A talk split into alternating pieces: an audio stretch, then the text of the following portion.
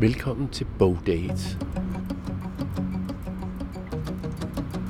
Jeg har placeret mig foran Rigshospitalet, fordi jeg er på vej ind til det bibliotek, der ligger på Rigshospitalet, som også er et bibliotek, der har fungeret under Københavns biblioteker i mange år. Velkommen, mit navn er Claus Vitus.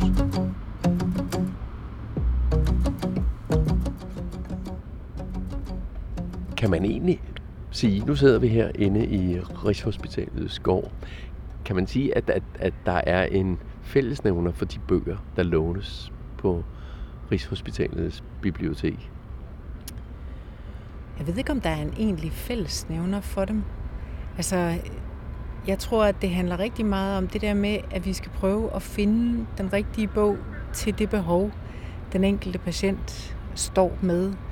Øh, og det kan være meget forskelligt. Alt efter om de kan holde til at reelt at læse, eller om de gerne vil se på nogle pæne billeder, om de gerne vil have en historie, som de i hvert fald ved, de ikke får meget af, eller, eller om de godt kan lide en eller anden mere sådan lidt historisk dramatisk øh, roman. Altså, jeg synes, det, det er meget blandet, hvad der bliver lånt ud, faktisk. Jamen, altså, jeg har faktisk været indlagt øh, 80 gange næsten på øh, de sidste 6-7-8 år eller sådan noget. Så det, det, det er meget, du kan se alt det her, det er jo det er medicinskabet. Altså, den vogn, der står derovre, det er, det er sådan noget ernæring. Jeg har sådan en kateter siden her. Den kører 10 timer i døgnet. Så, øh, hvad hedder det, i den proces, der øh, er der ret stor infektionsfare. Og øh, altså bakterier på fingeren gør ikke så meget, som når det kommer i hjertet. Fordi det der kateter går lige ned i... Altså, så øh, det er primært det, jeg bliver indlagt for. Men, men hvornår stødte du så første gang på patientbiblioteket? 3-4 år siden, jeg skyde på. Og øh, hvad hedder det? Altså, jeg har ikke lyst til at få sådan en roman på 700 sider, mens jeg faktisk ligger derinde og får læst 75 sider eller sådan noget. Så jeg har fået sådan opbygget et forhold til, hvad skal man sige, altså biblioteket, hvor at, øh, ja, nogle gange så ligger bøgerne der bare. Fire forskellige bøger, og, og så, øh, det sjove er, at jeg ikke selv er herover udvælgelsen, ikke? fordi at, øh, så støder jeg på, på bøger, som, som den vi skal tale om i dag, som jeg aldrig nogensinde ville have været stødt på. Altså måske ikke aldrig, aldrig, men, men, men mere eller mindre. Ikke? Og det synes jeg er fantastisk. Ja. Citat fra bogen Monsieur Lins Lille Pige. Det bliver altid morgen. Lyset kommer altid igen. Der kommer altid en ny dag. En dag er det dig, der bliver mor. Jamen, det sker jo også af til, at man så står og har en lidt længere snak, som måske ikke handler om det der med, ja, jeg ville egentlig gerne læse, eller jeg har været vant til at læse, eller engang var jeg lærer, og der havde jeg de og de interesser, og synes, at det her, det var spændende. Det kan jeg ikke lige nu. Er der noget andet, du kunne anbefale? Og så prøver man at spore sig lidt ind på, hvad, hvad, hvad er det, og er det noget sprogligt, der er vigtigt, eller er det, om det skal være en meget tynd bog? Det er også nogle gange faktisk noget af det, som vi, vi snakker meget om, og som vi også har udstillet lige pt, og som vi altid er med på, på bogvognen. Det er tynde bøger.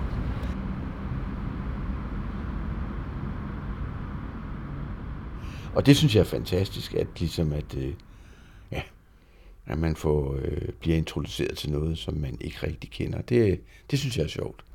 Og den bog, som du så sidder med, øh, men den, den blev så introduceret, og det er Philippe Claudel. Det er det, ja. Monsieur Lins lille pige. Ja.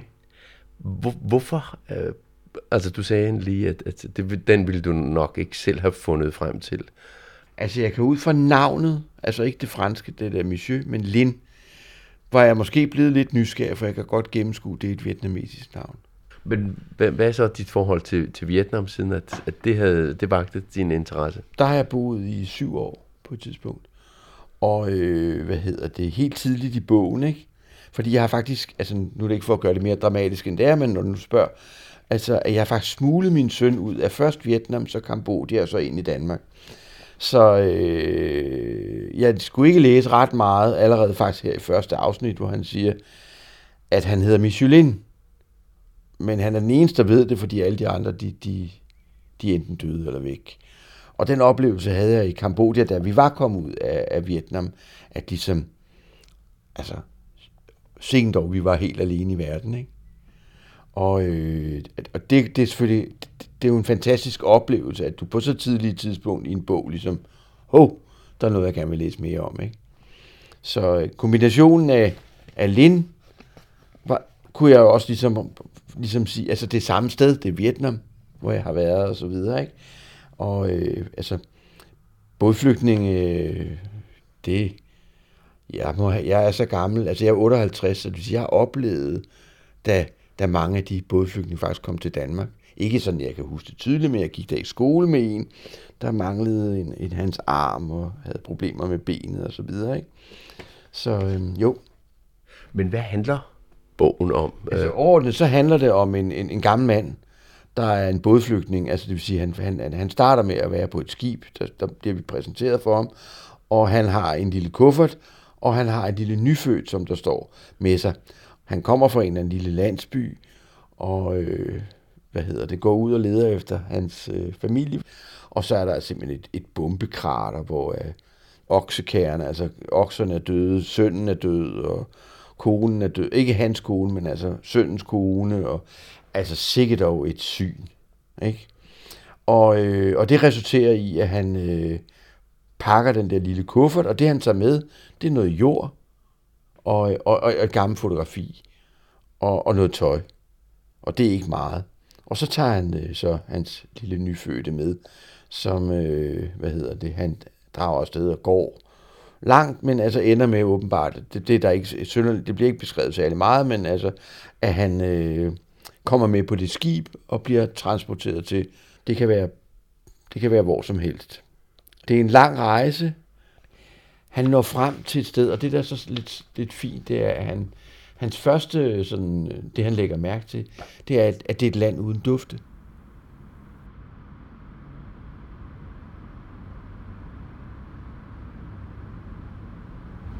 Hvorfor anbefalede du Monsieur Lins lille pige til William? Jamen det gjorde jeg, fordi at for det første, det, det er en bog af en mandlig forfatter, og vi ved jo, at mænd godt kan lide at læse mænd. Det var en ting. Men også det her med, at der er det her fine venskab, der spiger frem på trods af sprogbarriere mellem to mænd. Den ene fra et asiatisk land, og den anden formentlig fra Frankrig. Og de kan ikke rigtig forstå hinanden jo, men alligevel så opstår der noget mellem dem.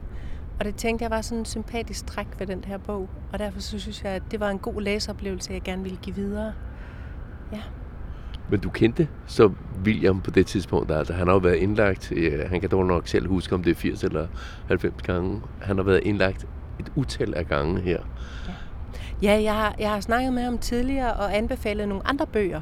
Bøger, der er godt skrevet, men med en eller anden form for skæbne fortælling i også.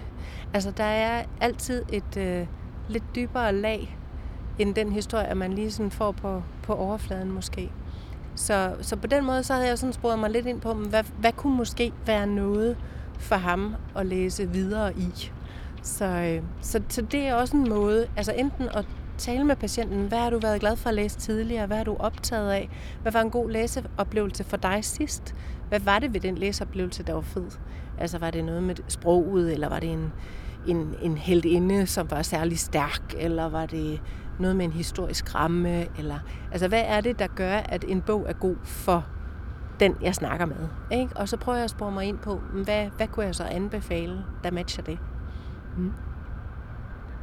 På et tidspunkt, så øh, kommer der nogen, som på en eller anden, øh, hvad skal man sige, varetager eller administrerer eller et eller andet øh, med det med flygtninge, og de siger, at han skal gå ud, han skal gå ud og have noget luft.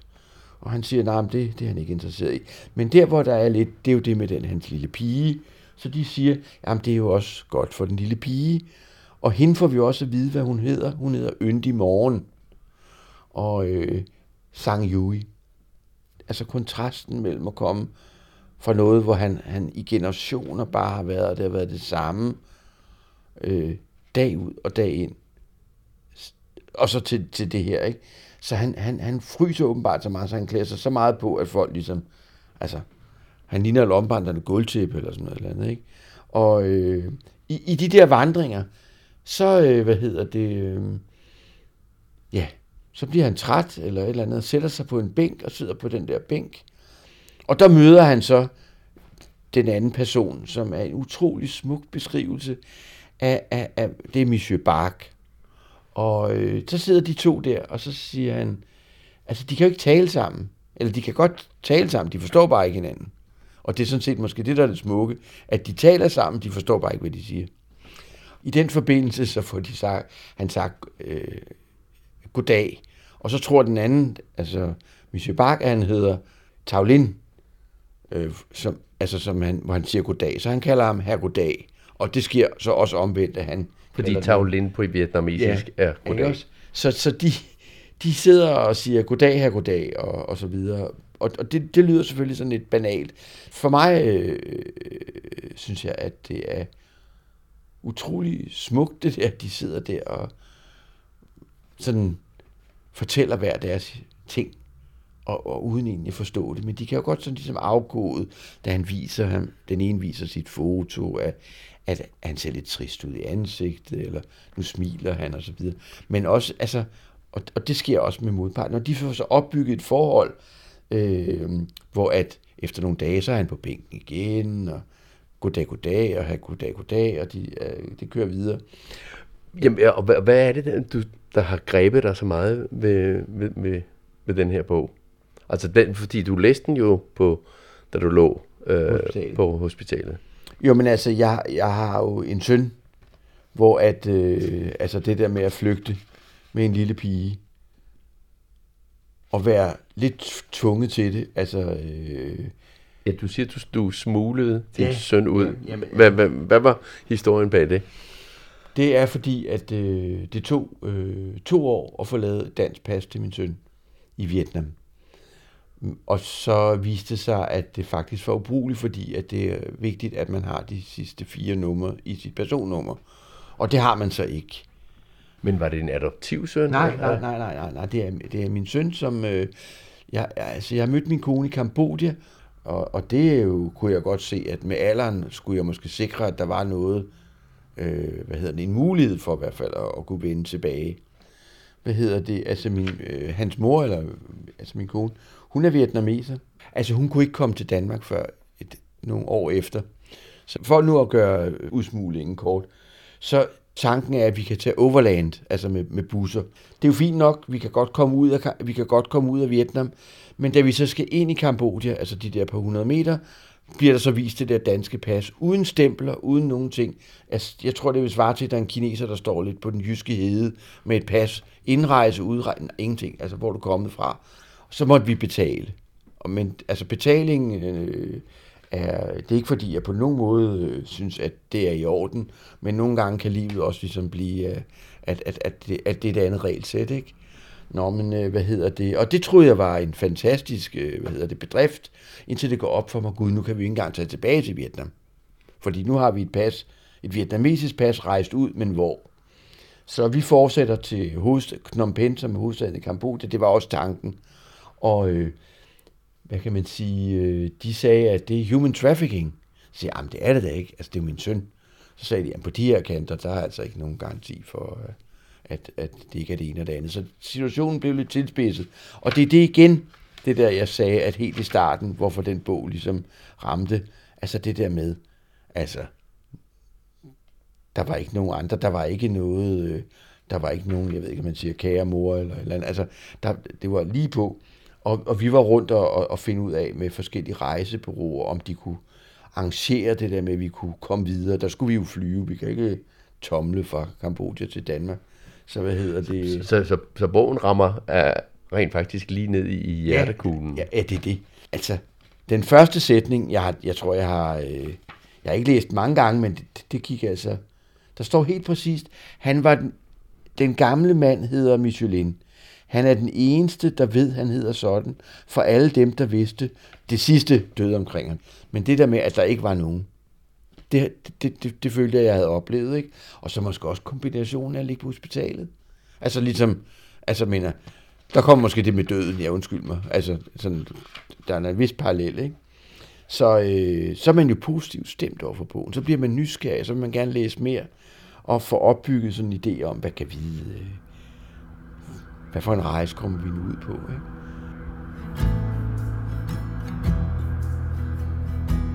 Efter at William havde læst Monsieur Lins lille pige, har du så talt med ham om den? Faktisk så mødte jeg ham øh, helt sporadisk i elevatoren en dag. Han var inde til tjek, mens at jeg skulle op på en helt anden etage, og, og han var bare sådan, ja, ja, ja, altså det er jo fantastisk det her, sagde han. Og, sådan, og så begyndte han at læse op af første side, fordi han bare lige ville delagtiggøre mig i, hvad det var, han synes, der var rigtig godt ved den her bog. Så det er sådan set det, vi nåede at, at tale om den. Øh, men, men, men jeg var i hvert fald sikker på, at han var glad for den, og den havde gjort et indtryk på ham. Og så kan man sige, det er jo min fornemmeste rolle som bibliotekar, at finde et eller andet, der matcher. Og noget af det, som jeg tror, at han synes har været spændende, også, det var det der med, at det var ikke sikkert, at han ville have valgt den bog selv. Så derfor så har han fået noget, noget nyt og noget uanet. Og det synes jeg også at det skægge ved at være bibliotekar, at man måske får alligevel givet noget, som folk ikke vidste, at de havde brug for.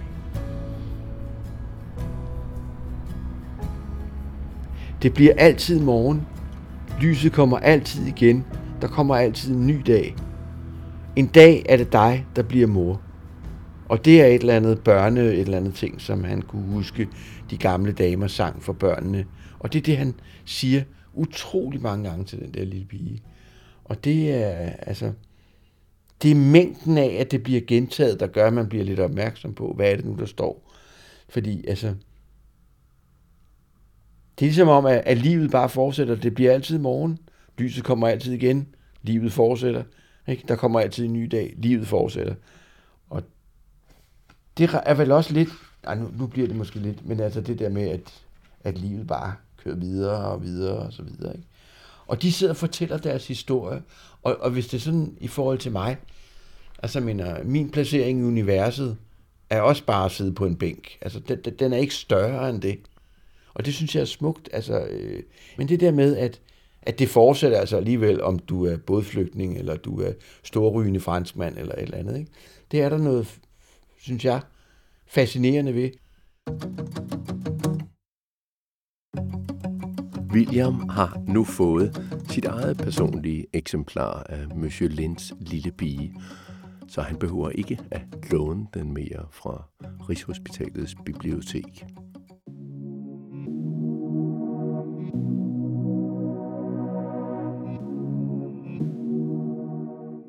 Når man kommer ind gennem den store svingdør til Rigshospitalet i København, så kommer man ind og mødes straks af en bogudstilling og et skilt, hvor der står bibliotek. Endda før, at man kommer til receptionen. Anja Brygman er bibliotekar på Rigshospitalets bibliotek. Altså, øh, før vi omindrettede biblioteket, så havde vi sådan hele sundhedssygdomssektionen. Den var bare sådan, lige når du kom ind, så kigger du mod højre, var det. Og så var der sådan en helt væg nærmest af bøger, der handlede om sundhed og sygdom. Og da vi skulle lave om, så besluttede vi os for, at det var ikke det, vi skulle have som det første. Det skulle være også lidt et helle. Øh, og omvendt, så betyder det også noget, det her med, at man kan øh, give folk noget, som de også står midt i.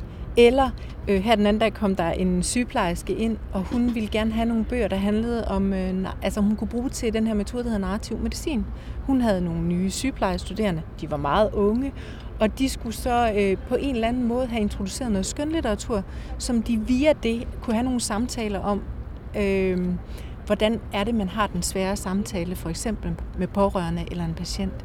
Fordi det der med at, at læse noget skønlitteratur og få et indblik i, hvordan noget føles, hvordan noget opleves, sanses, hvordan det beskrives, måske kompleksiteten i det at være syg eller det at være pårørende, kan være med til at åbne for, at et sundhedsfagligt personale også får nogle nye værktøjer til, hvordan de kan møde patienter og pårørende.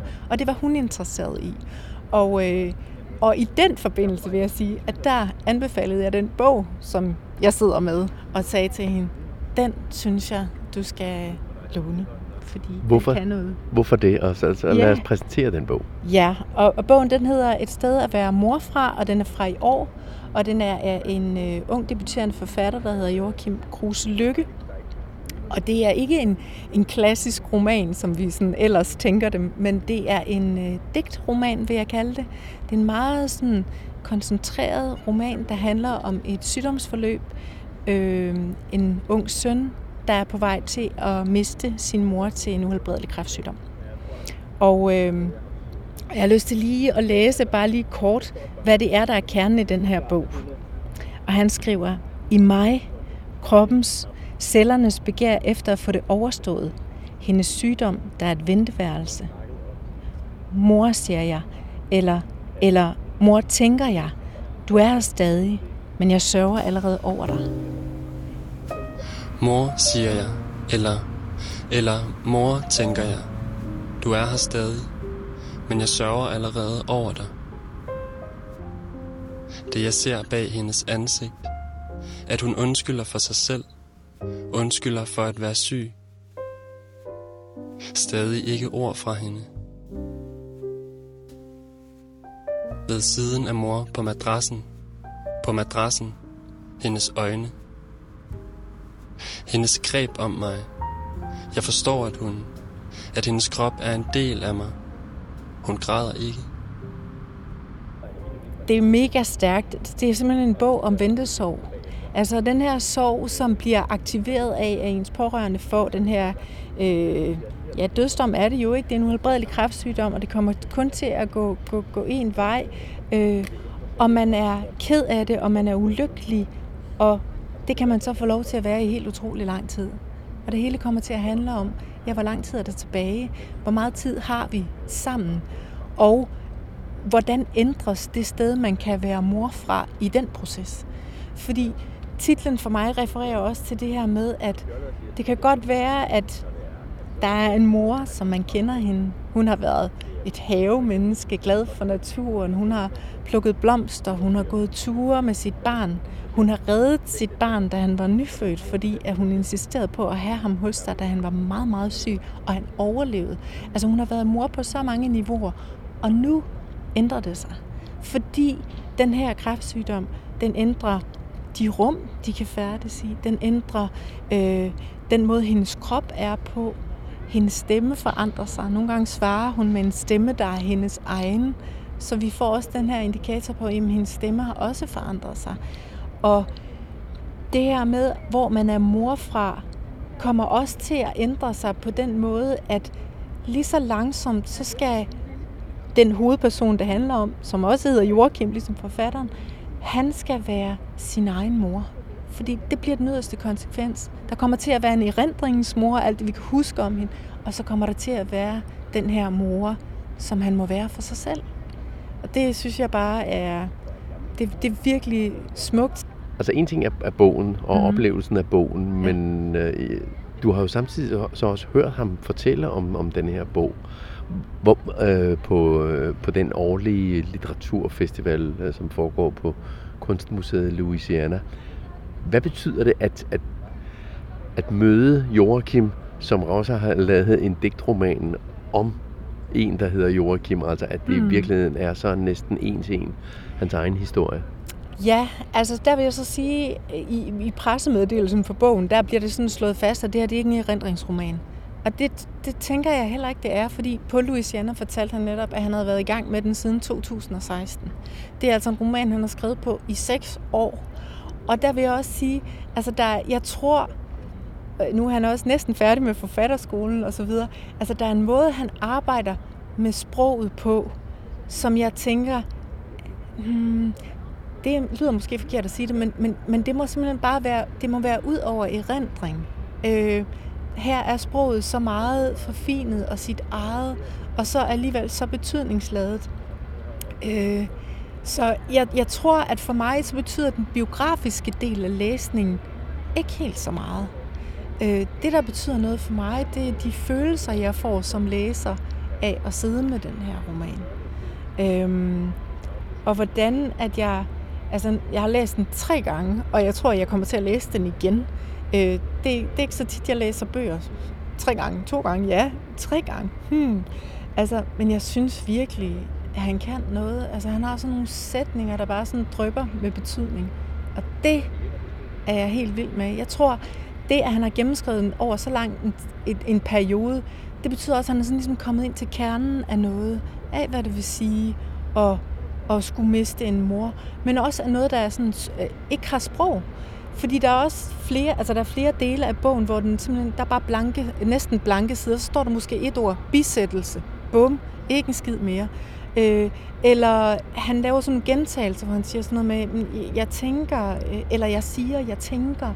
Altså man har den der følelse af, at man tager ligesom et tilløb hen til en eller anden form for betydning, men som man bare ikke helt hverken kan fastfryse eller måske forstå omfanget af. Og det tror jeg også, det er at være i sorg.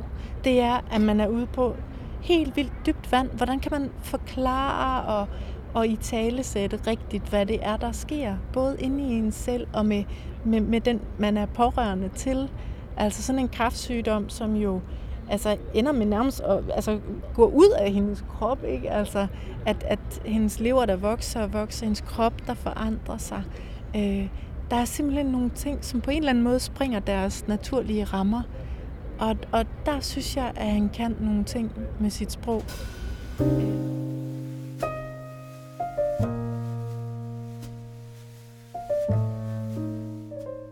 Jeg står på en altan og står og lytter. At hun ringer. At lægerne. At hun ringer og siger noget. Ud over tagene.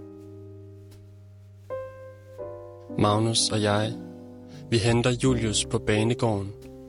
Han skal høre om mor. Vi er brødre på perronen.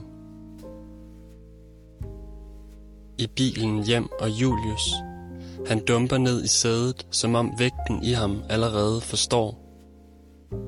Tavsheden slår mellem ruderne, eller vi siger, Julius, hun vil gerne selv, siger vi. Fortælle det. Fliserne op til huset. Et hej. Det hænger allerede i gangen. Indenfor, ved spisebordet, vores søster Emilie. Emilie sidder med mors hænder i skødet, giver dem videre til Julius. Bare en bunke familie på gulvet. Madrasserne, beskeden, helt op i halsen, kvalmen over ryggene, tyk luft over ryggene og mor. Hun kan sidde i en sofa, kan blande fløde og kokjo, kan forsere maden og tvinge den ned i sig. Du siger ikke noget, mor, siger jeg. Hun må ikke tabe sig, siger lægerne. Lungerne, siger de. Knogler og bækken og tiden. Tiden arbejder på at ødelægge hende. Det siger de. De siger, at hun skal dø.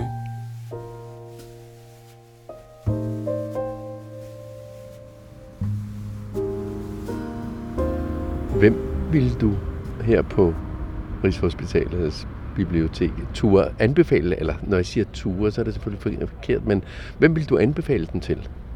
Ja, hvem vil jeg anbefale den til? Nu anbefalede jeg den jo til den sygeplejerske, der vil have noget om, om narrativ medicin. Men jeg vil også sige, øh, den her vil jeg jo synes, at der var rigtig mange pårørende, der skulle have glæden af at læse.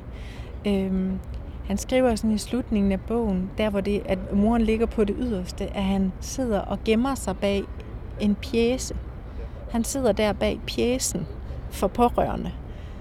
Og sidder der og, og er ked af det og græder og våger. Og, og så tænkte jeg, tænk nu, hvis hans egen bog var den, der stod på et hospice.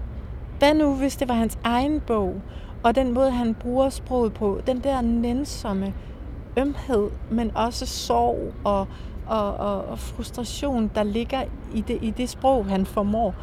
Hvad hvis det var det, man fik lov at gemme sig bag?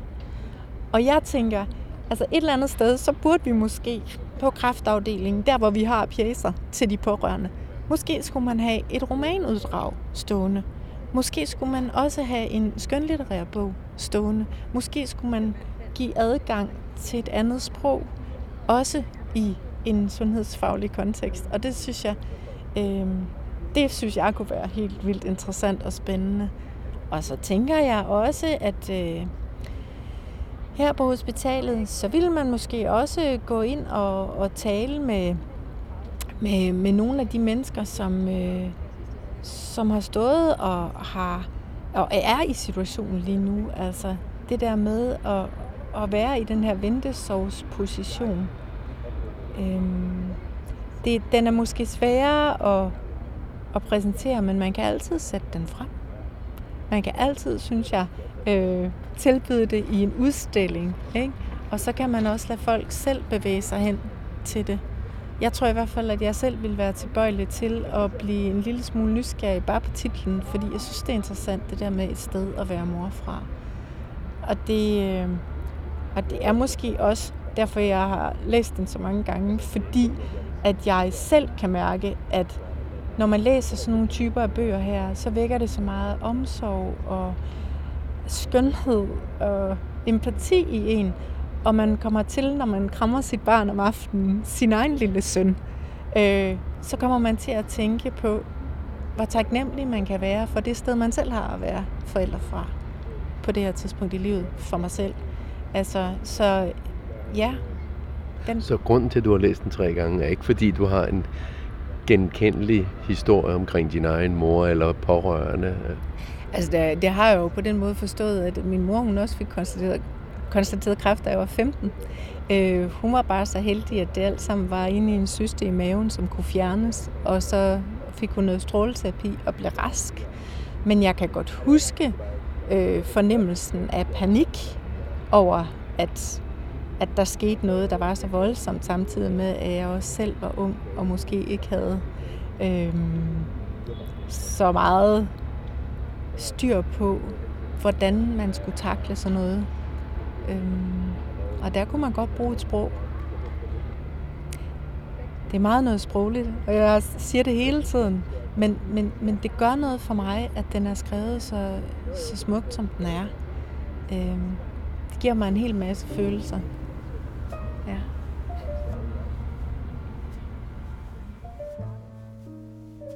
Endelig Endelig grådet, der forlader hende. Du græder, siger jeg. Det er håbet, siger mor. Jeg skammer mig over det. Mod udgangen. Venteværelset. Mor klemmer sorg ud gennem øjnene. Hun klemmer hovedet ned mellem benene og ryster. Eller med ryggen mod gulvet. Hun kigger op i loftet. Mor, siger jeg. Er du her? Mine øjne ud over hende. Jeg sprøjter den ud over hendes ryg, sorgen. Amalie, min kærestes ansigt, da hun vender sig og ser på mig. Hun ordner det.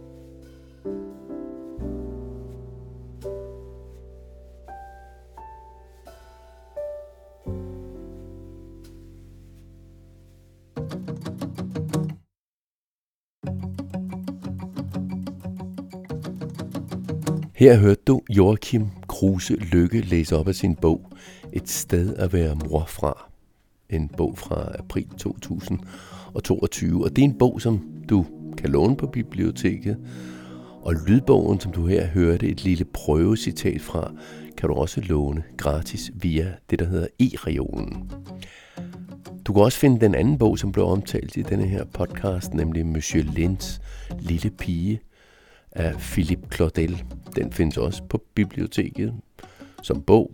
Og hvis du ikke lige kan finde den på Københavns biblioteker, så kan du finde den på nogle af de 46 andre biblioteker i Danmark, som har bogen. Så selvom den er udlånt på det ene bibliotek, så kan man altid bestille den fra et af de andre, hvad enten det bibliotek ligger i Tønder, Tornby eller Torbæk. Det gør man via den hjemmeside, som hedder bibliotek.dk. Musikken her i podcasten er her i baggrunden Sign af Loving Caliber, og de to andre numre er It's Been So Long af Cody Francis og Seven Falls af Hara Noda. Podcasten er tilrettelagt og produceret af mig. Jeg hedder Claus Vitus for Københavns Biblioteker. Og så vil jeg bare ønske på genhør i andre udgaver af den her podcast, Bowdate, eller i nogle af de andre podcasts, som vi laver. Der er både noget for børn og historieinteresserede, og for børneforældre, og for dem, som er interesseret i forfatterportrætter. Alt sammen kan du finde i podcasts fra Københavns Biblioteker. På genhør eller på gensyn på biblioteket.